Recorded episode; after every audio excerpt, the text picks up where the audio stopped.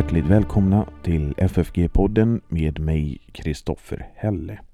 Idag så ska vi få lyssna på ett föredrag av eh, Carl Beckwith från Bibelkonferensen 2021 med rubriken Eternal Subordination and Obedience. Men först är det så att man vill ge ett bidrag till församlingsfakulteten eller poddens arbete, gör det gärna på Swish. Numret är 123 100 8457 och så märker man det med FFG Podcast eller FFG Gåva. Numret finns också i avsnittsbeskrivningen. Men nu Carl Beckwith, god lyssning.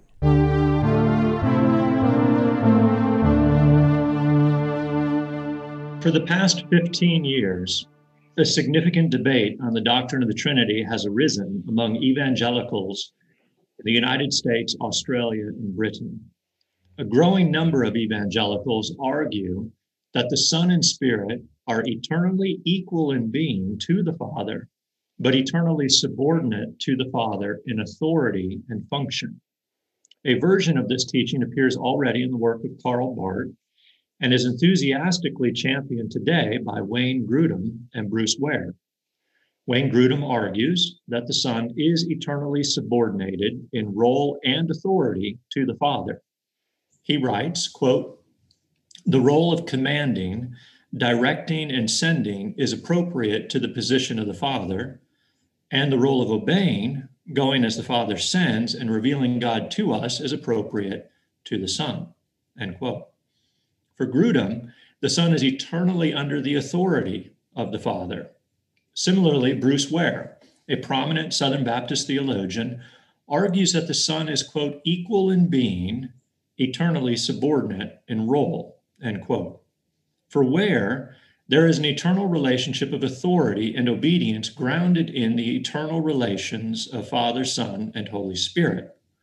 Ware writes, quote, an authority submission structure marks the very nature of the eternal being of the one who is three.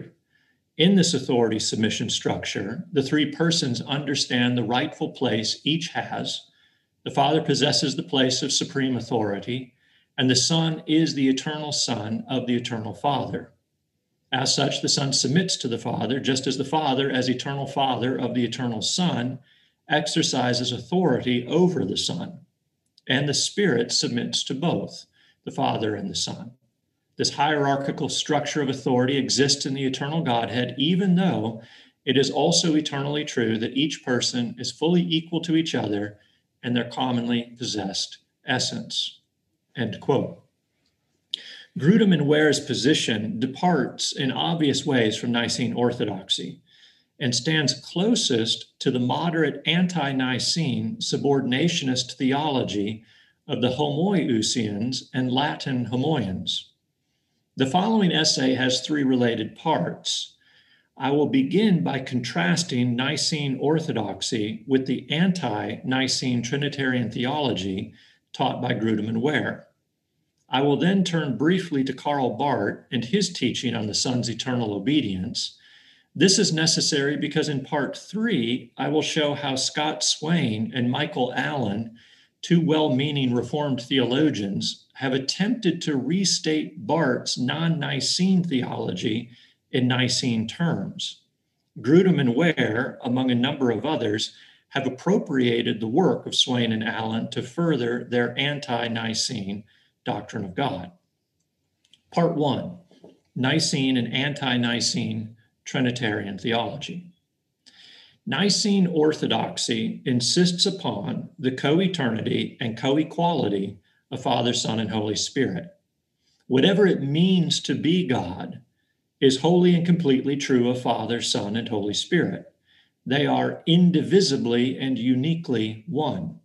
Our dear Martin Luther describes this unity as unissima, the onest oneness or most single singleness. It is important to bear this in mind.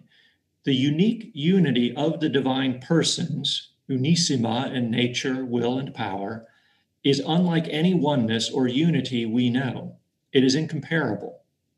The divine persons are also irreducibly three, each possessing an incommunicable property or characteristic that distinguishes them as eternal, real persons in relation to one another. Once again, this unique threeness is unlike any threeness we know. It too is incomparable. There is no hierarchy for Nicene theologians because there is no above and below, before and after, or superior and subordinate for the divine persons. The ease with which modern theologians use the language of superior or subordinate or differences in authority or function or role contrasts sharply with Nicene theologians. Gregory of Nazianzus, for example, speaking to those awaiting baptism, states, quote, the confession of Father and Son and Holy Spirit I entrust to you today. This I give you as a companion and protector for all your life, the one divinity and power, found in unity in the three, and gathering together the three as distinct, neither uneven in essences or natures, nor increased or decreased by superiorities or inferiorities, from every perspective equal. End quote. In my previous paper, I discussed Augustine's sermon on the baptism of Christ and the apparent separateness of the divine persons. Listen again to what Augustine says. At the beginning of his sermon, he states, quote, I make bold to say, I say it timidly enough, but I still make bold to say it, we have the three apparently separable. These three are apparently separated by place, separated by function, separated by work. End quote. Augustine, as I explained in the previous paper, shows how this is not true. Note, however, Augustine's words here. He hypothetically envisions for the congregation the divine person separated by function and work. For Augustine, the doctrine of inseparable works is also the doctrine of inseparable functions. For Nicene theologians, the divine persons function or work inseparably according to their indivisible nature, power, and will. The obedience and subordination of the Son for Nicene theologians belongs to the incarnation and the economy of our salvation, but not to theology proper. Let me contrast this pro Nicene theology with the moderate anti Nicenes of the fourth and fifth centuries. Very few people read these texts apart from scholars, but I want to show you how similar the anti Nicene language is to what Grudem and Ware are saying. To make this somewhat manageable, I'm going to focus on John 5:19. No verse illustrates the difference between pro-Nicenes and their opponents as well as this verse. John 5:19 states three things. The Son can do nothing from himself. The Son does what he sees the Father doing, and the Son does whatever the Father does in like manner.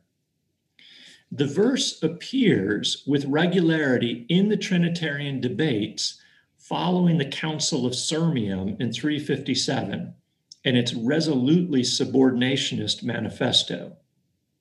Basil of Ancyra and George of Laodicea, both Homoiousian theologians, responded to the Homoian Manifesto from Sirmium in 358 and 359.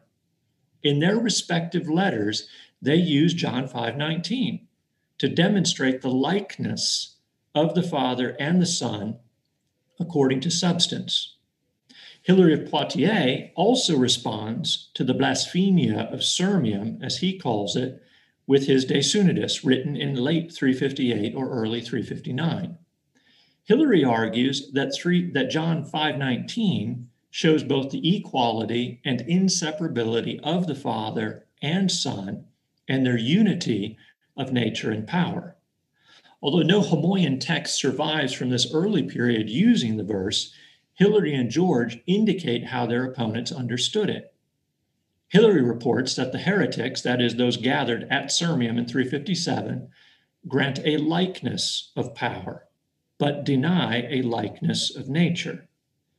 Based on Hilary's comments, the Homoians interpret the end of John 5:19 by appealing to the beginning. The Son's acknowledgement that he does nothing from himself except what he sees the Father doing indicates for them a likeness or similarity in power, but not nature. The distinction in power and activity corresponds to the difference between the Father and the Son. Hilary regards such a position as philosophically incoherent. Nature and power go together, such that what you say of nature, you must say of power. When John 5:19 says that the Father and Son do all things in like manner, it indicates for Hilary that they share the same power by which they do the same works, and therefore they possess an undifferentiated divine substance. Hilary's correlation of nature and power stands at the heart of pro Nicene Trinitarian theology. Nicene theologians argued that the common works of the divine persons indicate their common nature and power. Hilary states that we know the truth of something, what it is, from its nature and power. He repeats this phrase often and uses it to show how Scripture assigns common activities to the Father and to the Son in order to demonstrate their common nature and power. Nicene theologians frequently employ this exegetical strategy. Common activity means common nature and power to establish the co eternity and co equality of Father, Son, and Holy Spirit. Gregory of Nyssa states this succinctly quote, if we perceive that the operation of the Father, the Son, and the Holy Spirit is one, differing or varying in no respect whatsoever, we must deduce the oneness of their nature from the identity of their operation. End quote. Oneness of operation indicates oneness of nature. By observing how Scripture assigns certain works to God alone and further ascribes these unique works to Father, Son, and Holy Spirit, Nicene theologians showed how Scripture teaches the indivisible and undifferentiated nature and power of the divine persons. Basil of Ancyra and George of Laodicea stand between the strong subordinationist position of those gathered at Sirmium in 357 and Hilary's insistence on the undifferentiated nature and power of Father and Son. Basil and George differentiate the Father and the Son in terms of power. The Father acts sovereignly, authentikos, and the Son subordinately, hupourgikos. And this indicates for them likeness rather than sameness of nature and power, hence homoiousios rather than homoousios. Basil and George insist against the Homoians that the Son is the true Son of God, like the Father in divinity, in corporeality and activities, but this likeness retains difference and subordination. They reject Nicaea's homoousios because it obscures the difference between the Father and the Son in authority and therefore essence or divinity. The theological position of the Homoians at Sirmium in 357 and the Homoiousians derive from a shared Eusebian theology of the 340s or 330s and 340s. They're theological cousins. They both strongly oppose Marcellus of Ancyra's monarchian theology, and both think Nicaea's homoousios entails, or at the very least tolerates, such theology. They differ on the use of ousia language, essence language, being language, and the manner in which to express the eternal subordination of the Son to the Father and the Spirit to the Father and the Son. The Latin Homoians, confronted by Ambrose of Milan and Augustine of Hippo, blend these two theological perspectives. Ulfila, the heralded missionary to the Goths, insist that the Son is, quote, subordinate and obedient in all things to the Son. The Spirit is subordinate to the Son, and the Son is subordinate and obedient in all things to God the Father. Palladius of Ratiaria argues that the Father alone possesses, quote, a unique and supreme authority, end quote. The Son acts, but only at the command of the Father. The Son may be called all powerful, but only in a derivative sense.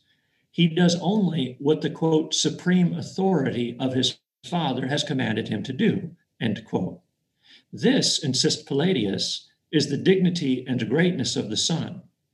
Palladius concludes with a summary of his faith. He writes, quote, The Father is placed before the Son, the Father sends the Son, the Son sends the Paraclete. The Father hands over the Son for his passion, the Holy Spirit, fulfilling the function of a servant, preaches the Son who suffered. The Son glorifies the Father, the Spirit paraclete the Son. The Son bears witness to the Father, the Spirit bears witness to the Son with the apostles and through the apostles. The Son says what he heard from the Father. The Holy Spirit announces to the apostles what he heard from the Son. The Son is sent in the name of the Father, the Paraclete Spirit in the name of the Son. End quote. Finally, the author of the anonymous Sermo Arianorum, Arian sermon, confesses that the Son and Spirit are divine, but ordered hierarchically. The work begins with a positive confession or creedal summary on the relation of the Father and the Son and the creative and redeeming work of the Son, quote, at the will and command of the Father, end quote. A phrase repeated throughout the document to underscore the eternal subordination and obedience of the Son to the Father. The second section of the document presents several related theses that clearly and concisely state the distinction and difference of Father, Son, and Holy Spirit as three substances who differ in nature, power, and activity. The final section strongly condemns the Nicene faith and any use of homoousios. The author concludes that Scripture shows the Father commands the Son and the Son obeys. This indicates that the Son stands beneath the Father and in subjection to him. Finally, the Son's obedience and subjection does not belong to the assumption of flesh, to the economy, but is true of the Son before the incarnation, to theology proper. Let me summarize all of that. Pro Nicenes insist on the undifferentiated nature and power of Father, Son, and Holy Spirit. There is no superiority or inferiority among the divine persons because they are unissima in nature, power, and will. Anti Nicenes, on the other hand, insist on the subordination of the Son to the Father and the Spirit to the Son. For Palladius, the Father ranks higher than the Son because he alone has the role of sending the Son. The Son bears witness to the Father and obeys all that he hears from the Father. So too for Wayne Grudem. The Father has the role of commanding, directing, and sending. The Son has the role of obeying, going as the Father sends, and revealing the Father to us. All of this shows for Grudem, as it did for Palladius, that the Son is eternally under the authority of the Father. Bruce Ware's Trinitarian language also echoes the anti Nicenes. Basil of Ancyra and George of Laodicea insist that the Father acts sovereignly and the Son subordinately. They insist on a clear difference between the Father's authority and the Son.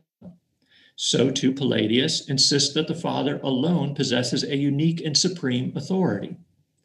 Contrast this for a moment with John of Damascus, the great summarizer of patristic Trinitarian theology.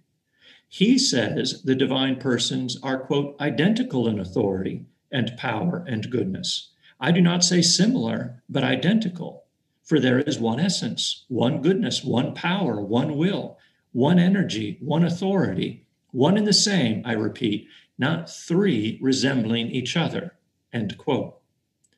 Bruce Ware favors the anti Nicene language of Basil, George, and Palladius over the pro Nicene language of John of Damascus. Ware argues that an authority submission structure marks the very nature of the eternal being of the one who is three. The Father possesses the place of supreme authority. The Son submits to the Father, just as the Father, as the eternal Father of the eternal Son, exercises authority over the Son and the Spirit submits to both the Father and the Son. End quote. Grudem and Ware's anti Nicene position appears with remarkable clarity when they talk about the external works of the divine persons. Grudem insists on the divided works of the Trinity. He refers to opponents of the eternal subordination of the Son as evangelical feminists. And he writes, quote, even more troubling is the tendency of evangelical feminists to claim that any actions taken by any person in the Trinity is an action of all three persons in the Trinity. End quote. After briefly reviewing Millard Erickson's emphasis on the undivided works of the Trinity, Grudem writes, quote, he is apparently saying that the actions of any one person of the Trinity are the actions not just of the whole being of God, but of every person of the Trinity. And to say this is to deny what is taught in literally hundreds of passages of Scripture that speak of different actions carried out by different members of the Trinity. End quote. Guess what Scripture passage Grudem uses to teach the divided works of the Trinity? The baptism of Christ, the very text used by Augustine and emphasized in the medieval and Reformation classroom to teach the church's faith and the doctrine of inseparable works. Compare Grudem's anti Nicene language with Martin Luther. Luther cites Psalm 33 6, quote, By the word of the Lord the heavens were made, and all their host by the breath or spirit of his mouth, end quote. Pro Nicenes, from Basil of Caesarea to Augustine, have used this verse to show the inseparable works of the Trinity, and Luther does as well. Luther writes, quote, David mentions three distinct persons, namely the Lord, his word, and his breath. And yet he does not set up more than one creator without any differentiation. All things are made by whom? By one creator who is Lord, word, and breath. The Lord does not do his own work separately. The word does not do his own work separately. And the breath does not do his own work separately all three distinct persons are but one creator of the work of each, and each one's work is that of all three persons as that of one creator and master. End quote. Why does Scripture and the church insist on the undivided and inseparable works of the Trinity? Luther explains If I ascribe to each person a distinct external work in creation, and exclude the other two persons from this, then I have divided the one Godhead and have fashioned three gods or creations, and that is wrong. Luther, of course, merely rehearses here the pro Nicene understanding of Scripture and the doctrine of inseparable works. One of the difficulties with Scripture is that it does not always list the three divine persons as doing a particular work. How should the pious reader of Scripture understand this? Luther has an answer. He writes, quote, Whenever in scripture you find God speaking about God as if there were two persons, you may boldly assume that three persons of the Godhead are there indicated. End quote. Martin Chemnitz repeats this statement from Luther and dubs it Luther's rule. The rule, however, goes back to Augustine and his pro Nicene Trinitarian reading of Scripture. Augustine, commenting on John 16 27, where Jesus says the Father loves you, writes, quote, According to the principle I have been rehearsing often enough, that one of the persons of the Trinity is frequently mentioned in such a way that the others are also to be taken as being included. Thus, here, what is said of the Father, that he himself loves you, is naturally to be understood of the Son and the Holy Spirit too. End quote. Wayne Grudem, of course, rejects this and declares that no one in the history of the church ever taught it. He writes again against Millard Erickson, quote, he is arguing not that the whole being of God is somehow involved in every action, but that the action of any one person is also the same way an action of the other two persons, so that any action done by one person is also done by the other two persons. This is something scripture never teaches, and the church has never held. For pro Nicenes, the Father, Son, and Holy Spirit work inseparably according to their indivisible nature and power. For one to work apart from the other in theory or in reality would entail a divided nature, power, and will. It would require the doctrine of separated works, which is what Grudem apparently thinks the church has always taught. Bruce Ware also insists on the divided works of the Trinity. He writes, quote, though the Father is supreme, he often provides and works through his Son and Spirit to accomplish his work and fulfill his will. End quote. Again, Ware writes, quote, though the Father is supreme, though he is in the Trinitarian order the place of highest authority, the place of highest honor, yet he chooses to do his work in many cases through the Son and through the Spirit rather than unilaterally. End quote. For Ware the Father chooses to work and fulfill his will through the Son and the Spirit, but he does not have to do this. Ware continues, quote, it is not as though the Father is unable to work unilaterally, but rather he chooses to involve the Son and the Spirit. End quote. This, of course, could only be the case if the Father's will differed from the Son's will and the Spirit's will and their nature and power were divided. Wayne Grudem and Bruce Ware position is neither Nicene nor properly Homoian or Homoiousian. They appropriate both Nicene and anti Nicene tenets and advocate a confusing and inconsistent tertium quid. From the perspective of Nicene orthodoxy, they undermine the unity of God and fail to understand the one nature, one will, one power, of Father, Son, and Holy Spirit. One reason for this is their inability to distinguish between theology and economy, and therefore Trinity and Christology. The Latin Homoians struggled with this too. Despite the clear anti Nicene commitments of Grudem and Ware, they insist that their position adheres to historic Christian orthodoxy, and their opponents, who emphasize the unity and equality of the divine persons, in both being and act depart from that orthodoxy. The arguments made by Grudem and Ware are not merely those of theory, but also practice.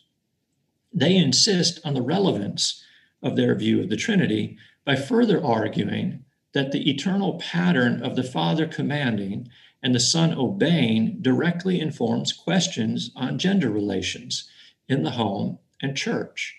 In this way, the Son's eternal obedience and submission informs questions of male headship and women's ordination. How should we respond to all of this? For starters, the false views of Grudem and Ware belong to the Trinitarian renewal of the 20th century and the allure of social Trinitarianism. The view they express goes back at least to Karl Barth, this means it will not do to focus only on figures like Grudem and Ware. We need to understand Barth's argument for the Son's eternal obedience and how this departs from Nicene orthodoxy. Barth's teaching has recently been rehabilitated by Scott Swain and Michael Allen. They attempt to express Barth's eternal obedience of the Son with Nicene patterns of thought. The supporters of Grudem and Ware have taken notice and now use this generous reading of Barth to insist even more on their anti Nicene doctrine of God. I will end by explaining why this too fails. Part two, a brief Barthian detour. Nobody wants to dwell too long on Barth. Karl Barth's argument for the Son's eternal obedience appears in his discussion of the Son's reconciling work in the church dogmatics. Barth argues that the obedience of Christ, as presented in the New Testament, has its basis, quote, in his divine nature, and therefore in God himself, end quote. Divine obedience means that within the unity of God, there is one who commands and one who obeys. There is for Barth, quote, an above and a below, a before and an after, a superiority and a subordination in God. End quote. Barth rejects, as the Latin Homoians did, the traditional appeal to the divine economy to account for the commanding and obeying of God. Such an appeal weakens for him the truth of these statements and ultimately threatens the Son's saving work. If the relation of commanding and obeying belong only to the economy, then it would belong contingently and improperly to God. Barth finds that view unacceptable. When it comes to the Son's saving and reconciling work for us, he cannot, insists Barth, be anything in time that he is not already in his eternal being. Barth states this simply quote, He, the Son, is in time what he is in eternity. End quote. Barth's strong position blurs the scriptural categories of theology and economy, or procession and mission, emphasized by Nicene theologians. Why must Barth locate obedience in the eternal being of the Son rather than as a property of his human nature? The first reason, which we have just noted, is that for Barth, what we see in the economy reveals what the Son always was in his eternal being for us. The second reason has to do with the atonement. Listen to the question Barth asks For if in his proper being as God, God can only be unworldly, if he can be the humiliated and lowly and obedient one only in a mode of appearance and not in his proper being, what is the value of the true deity of Christ? What is the va- its value for us? It is as the humiliated and lowly and obedient one that he is the reconciler. But can he reconcile if he has no proper being as the reconciler, but only that of a form of appearance of the one true God who has no part in the atonement? End quote. For Barth, the atonement demands that the Son, in his proper being, possess all that is necessary to reconcile us to the Father. If the obedience necessary for our reconciliation belongs to the humanity assumed by the Son, then it does not really belong to him. It is improper to his being, a mere appearance, as Barth puts it, and therefore insufficient for our salvation. Barth's language suggests that the hypostatic union is no proper union at all, even using the language of docetism to describe it. He further seems to think that anything done by the human nature of Christ belongs only improperly to him, as it stands at a distance from his divine nature, his proper being. Barth continues, quote, When we have to do with Jesus Christ, we have to do with an economy but not with the kind of economy in which his true and proper being remains behind an improper being, a being as if. We have to do with an economy in which God is truly himself and himself acts and intervenes in the world. Otherwise, the atonement made in this economy is not a true atonement. End quote. For Barth, the economy reveals to us the humility and obedience belonging to the Son's divine being. The economy does not account for the humility and obedience of the Son. Although Barth does not think he has lost contact with Nicaea, he acknowledges that his emphasis on the Son's divine obedience requires a person to think differently about the divine being. It is precisely here that he moves beyond Nicaea as Barth puts it, in God there is, quote, an above and below, a before and after, a superiority and a subordination. Divine unity entails, quote, one who is obeyed and another who obeys, end quote. At this very point, Barth unexpectedly asserts that God's particular being, his inner order, his superiority and inferiority, his commanding and obeying inform the relationship of husband to wife. He does not explain this, he only states it. For Barth, the Son's eternal obedience guarantees his saving work, and like the recent proponents of this view, orders male and female relations. Part three Good intentions, bad results. Scott Swain and Michael Allen two prominent theologians from Reformed Theological Seminary in Orlando, Florida, lament that the quote, wide acceptance, end quote, of Karl Barth's teaching on the Son's eternal obedience has led some evangelicals to depart from, quote, the classical Catholic and Reformed tradition, end quote. They aim to reconcile these two views. They write, Quote, our thesis then is as follows The obedience of the eternal Son in the economy of salvation is the proper mode whereby he enacts the undivided work of the Trinity for us and our salvation. More fully, the obedience of the Son is the economic extension of his eternal generation to a spirit enabled, creaturely life of obedience unto death, and therefore the redemptive foundation for his bringing of many sons to glory. End quote. This thesis, as I understand it, seeks to express Barth's anti Nicene doctrine of God with Nicene patterns of speech. It doesn't work. Let me be clear before I proceed. I take Swain and Allen's stated purpose with seriousness. Their intentions are good. They're trying to right the reformed slash evangelical ship that appears headed for shipwreck. My disagreement is with their attempt at this, not their purpose, which I commend. Here's why their argument will not work. Once you say that the economy does not account for the Son's obedience, but reveals it, you depart from Nicaea. All you have to do is ask this question If the economy does not account for the Son's obedience, what does? For Swain and Allen, it is the eternal generation of the Son. That is to say, the Son's relation of origin that distinguishes him eternally from the Father and the Holy Spirit, constituting him as the eternal Son. An insight at the heart of Scripture and Nicene theology now secures an anti Nicene position. Now, let me explain. The phrase, quote, from the Father, end quote, is Scripture's ordinary way of expressing the eternal relation of Father, Son, and Holy Spirit.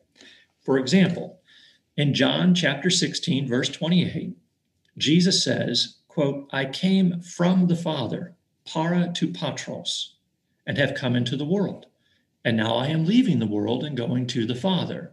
End quote. Again, John 15, 26, quote, But when the Helper comes, whom I will send to you from the Father, para to patros, the Spirit of truth, who proceeds from the Father, para to patros, he will bear witness about me. End quote. Relation belongs to the unique and irreducible threeness of the divine persons. It is how scripture marks off and identifies the divine persons as real persons, eternally distinct from one another. Relation does not pertain to the unique oneness or unity of substance, essence, or nature of the divine persons. Howsoever we choose to identify or name these relations, we must always say that they belong eternally, uniquely, and incommunicably to the divine persons. If they are communicable or transferable, they cannot distinguish the persons as real, and the result would be some form of modalism. How have theologians expressed these divine relations throughout the history of the church? The church fathers, medieval schoolmen, and Lutheran reformers understood Scripture's ordinary language of from the Father as expressing the mode of being or relation of origin of the divine persons. This means a few things. The Father is always Father and never Son or Spirit. The Son is always Son and never Father or Spirit. And the Spirit is always Spirit and never Father or Son. Further, the Father is from no one, he is unbegotten. The Son is from the Father. He is the only begotten. The Spirit is the Spirit of the Father and of the Son. He proceeds from the Father and the Son. These distinguishing characteristics or properties, unbegotten, only begotten, proceeding, belong uniquely and incommunicably to the divine persons. Swain and Allen take a different approach they construe obedience with from the Father and proposed to show that obedience belongs to the Son's mode of being or relation of origin. If that is true, then obedience is a distinguishing characteristic and incommunicable personal property of the Son, which is the point Barth wanted to make. Here, insurmountable problems arise. Persons, divine or human, it matters not in this case, persons express obedience or disobedience by exercising their will. No will means no obedience or disobedience. Will belongs to nature, and persons act by the power and will of their nature. If the Son possesses obedience as an incommunicable distinguishing characteristic, then the Son must also possess a nature and will to express that unique obedience. The Nicene tradition has always explained this by pointing to the human nature assumed by the Son.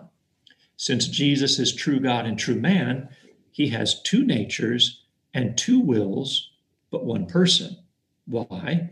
Because will goes with nature and not person. Some proponents of eternal obedience and subordination do not understand this and assign will to person. This leads to an inconsistent position. If will belongs to person and we have three divine persons, we must also have three divine wills. That, however, is the position of the anti Nicenes, especially the Latin Homoians, and necessarily leads to tritheism. Swain and Allen are good theologians. They recognize that the real obstacle with aligning eternal obedience and Nicene Trinitarian thinking is the divine will they resolve the difficulty semantically by positing a paternal will and filial will in accordance with the mode of being proper to the Father and the Son. They then align obedience with the Son's filial mode of being, making a nature term a relation term, and thereby identifying the Son's incommunicable and distinguishing characteristic as eternal obedience they attempt to secure this position with an appeal to Augustine and John 5:19. Augustine's mature reflection on John 5:19 appears in several significant Trinitarian writings around 418 to 420. His clearest and most concise reflection appears in Tractate 20 on the Gospel of John. Augustine begins by stating that the Son's equality rests in his eternal generation and personal relation to the Father. The Father begets the Son. The Father is not from the Son, but the Son is from the Father. Therefore, when the Son says in John 5:19 that he can do nothing from himself, he indicates for us that he works as he is, and he always is in relation to the Father. To say that the Son is from the Father is to say, for Augustine, that the Son's acts and attributes are from the Father. Augustine explains, I quote, since the Son's power, potentia, is from the Father, therefore the Son's substance, substantia, is from the Father. And since the Son's substance is from the Father, therefore the Son's power is from the Father. In the case of the Son, power is not one thing and substance another, but power is the same thing that substance is. Substantia, that he is, and potentia, that he is able to do. Therefore, since the Son is from the Father, for this reason he said, the Son is not able to do anything from himself, since the Son is not from himself, as he is not able to do from himself. End quote. When scripture declares that the Father makes all things through the Son, it reveals for Augustine the inseparable working of the Father and the Son according to their mode of origin and the ordering of the divine life. With this in mind, the careful reader of scripture will understand John 5:19 to mean that the Son does nothing from himself because the Son is not from himself. Augustine uses these same insights for the Holy Spirit. John 16, 13 states that the Spirit will speak nothing from himself. For Augustine, the Spirit does not speak from himself because he is not from himself. He speaks as he is, and he is from the Father and the Son. These seemingly ordinary expressions from Scripture convey for Augustine the mode of origin and eternal relation of the divine persons. More importantly, these phrases pattern the speech of the faithful to confess, according to Scripture, the indivisible oneness and irreducible threeness of Father, Son, and Holy Spirit, who work inseparably according to their indivisible nature, power, and will. Swain and Allen use John 5:19 and 16:13 to illustrate the eternal relation of the divine persons and their inseparable working. Note, however, the shift in their language.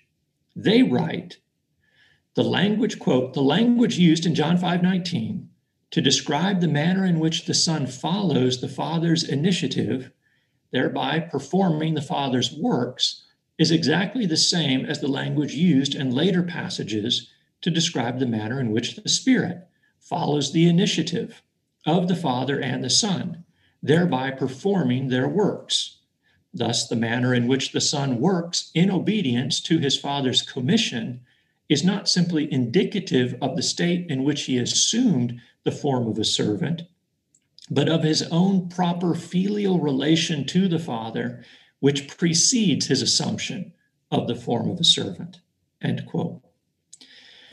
The closest parallel to Swain and Allen's reading of John 5:19 and 16:13 is not Augustine, but the Latin Homoians opposed by him.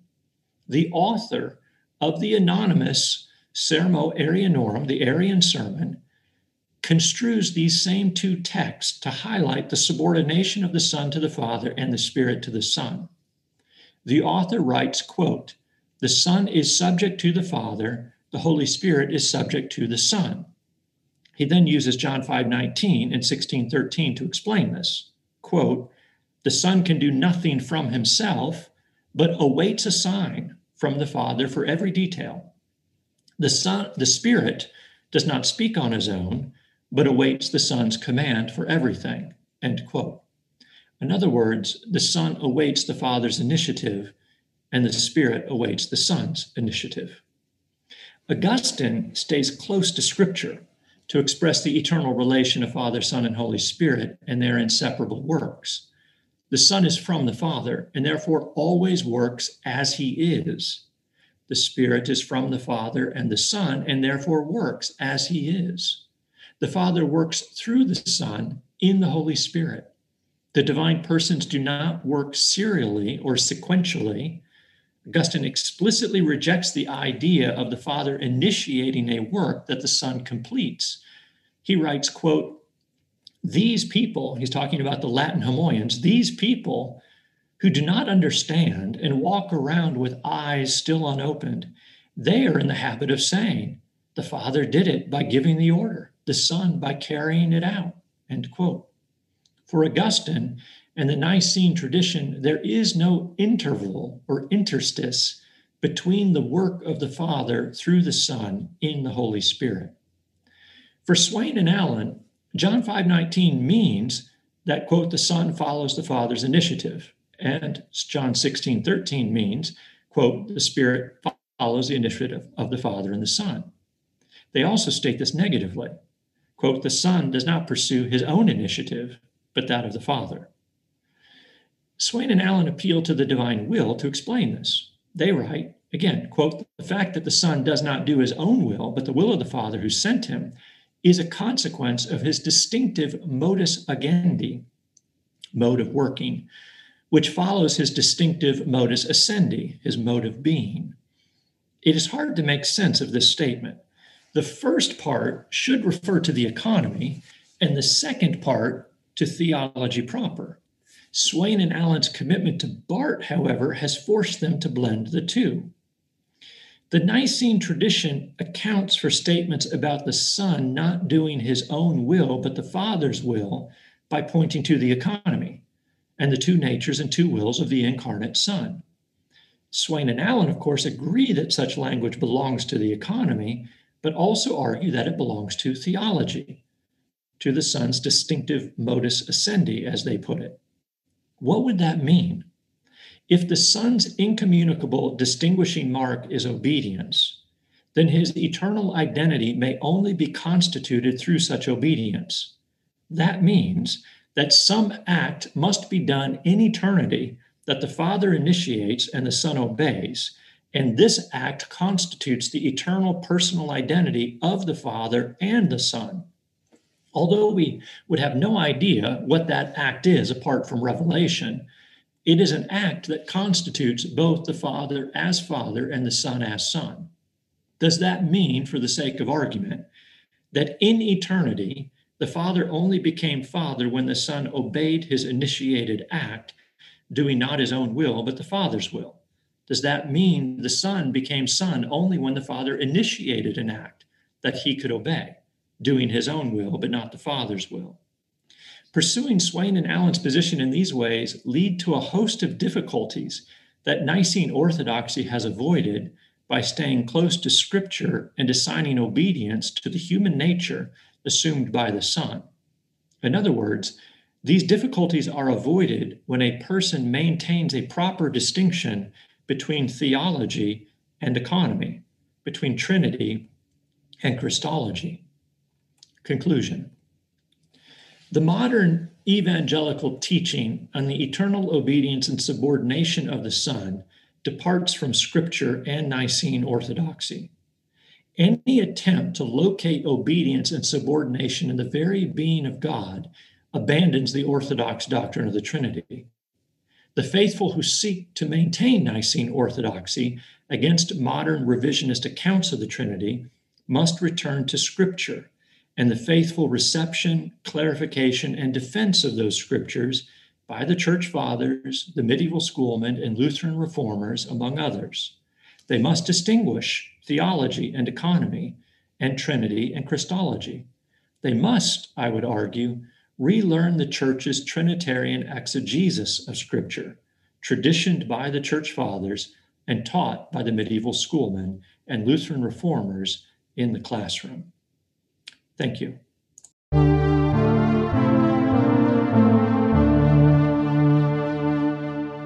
Ja, det var Carl Beckwith med Eternal Subordination and Obedience från Bibelkonferensen 2021.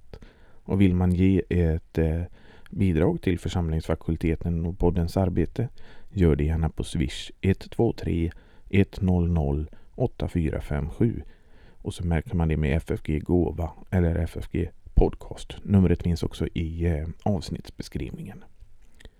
Och vi hörs igen nästa vecka. Hej då!